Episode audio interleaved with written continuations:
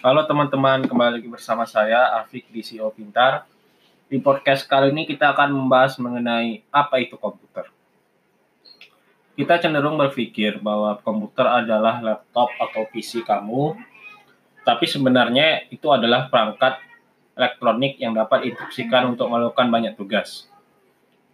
Komputer kamu adalah perangkat yang dapat diinstruksikan untuk melakukan serangkaian aritmatika atau operasi logis secara otomatis Simpelnya, kalkulator kamu adalah komputer, ponsel adalah komputer, mesin kasir di Starbucks adalah komputer.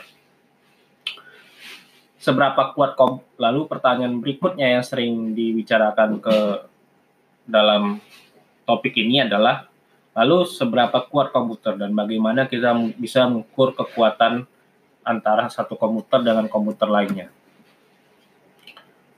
Saya pikir kita semua memiliki pengalaman menggunakan komputer lambat atau yang cepat.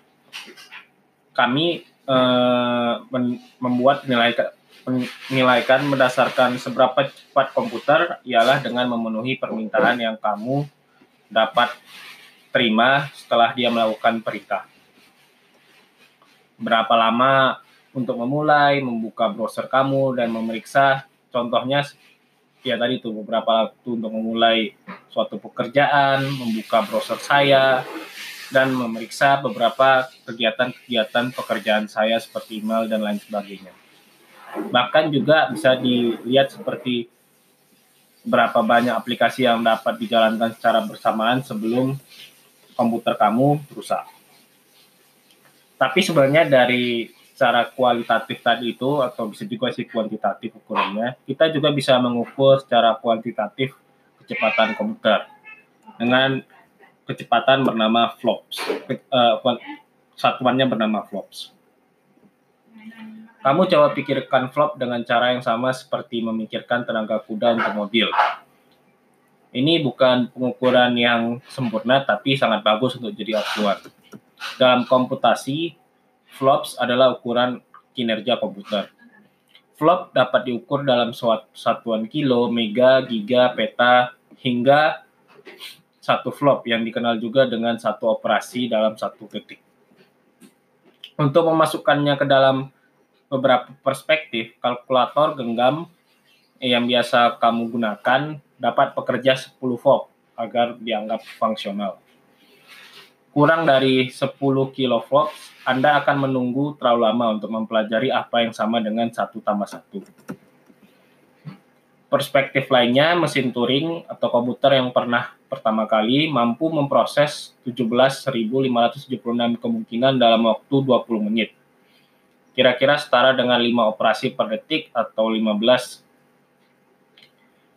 kilo, kilovolts hanya sedikit lebih cepat dari kalkulator genggam modern. Untuk menepat untuk contoh-contoh lainnya, iPhone 7 dapat melakukan 729 gigaflops atau sekitar 729 miliar operasi per detik. Bagaimana menarik bukan? Lalu pertanyaan juga yang sering diajukan adalah bagaimana kita mengukur suatu tadi kan kecepatan komputer. Bagaimana kita mengukur seberapa bodohnya komputer atau bagaimana kita bisa mengukurnya. Terlepas dari kekuatan besar yang dimiliki komputer, operasi yang dilakukannya juga sangat cepat dan sederhana. Komputer sebenarnya semua komputer tidak dapat berpikir. Komputer tidak memiliki wawasan, komputer juga tidak dapat mengambil keputusannya sendiri. Komputer kamu hanya bisa mengikuti perintah dan menjalankannya secara harfiah dan tidak beradaptasi dengan masalah yang tidak terduga. Ini uh, ada sedikit contoh untuk memikirkan hal ini. Bayangkan kalau kamu ingin mengajarkan komputer atau bahkan robot untuk membuat sandwich selai dengan kacang dan jelly. Komputer atau robot sebenarnya tidak tahu apa itu selai kacang, apa itu jelly, apa itu pisau, apa itu roti, dan tidak tahu bagaimana menyebarkan menyebarkan seperti bagaimana menyebarkan selai, bagaimana mengambil pisau, bagaimana membuka botol selai, bagaimana mengambil uh, kantong roti pada pada plastik yang sudah sediakan dan lain sebagainya. Untuk mengajarkan robot untuk membuat sesuatu yang sederhana seperti membuat sandwich roti selai, kamu harus menjelaskan kepada dia atau komputer pada suatu detail yang luar biasa dan yang sangat teliti untuk membuat suatu roti. Kamu juga jangan lupa untuk memberitahu komputer untuk membuka toples selai sebelum untuk sebelum memberikan selai. Kalau enggak, dia akan memasukkan selai dengan cara yang salah. Jangan lupa juga untuk memberitahu komputer untuk membuka sekandang roti e, dengan benar. Jika tidak, dia akan merobek setiap kantong setiap kali menginstruksikan mengambil roti. Nah, itu sih beberapa contoh eh, kegiatan-kegiatan yang harus kamu beritahukan ke komputer atau robot jika ingin uh, ingin komputer uh, melakukan kegiatan-kegiatan seperti memberikan selai saja. Jadi sebenarnya tidak ada tidak ada kepintaran mutlak di dalam suatu komputer seberapa cepat bahkan seberapa cepat komputer tersebut.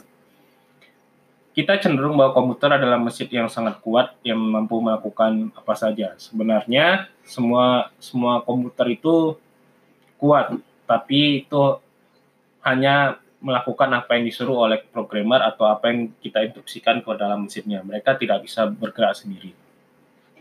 Dalam artian lainnya, komputer hanya bisa sepintar programmer yang menulis programnya.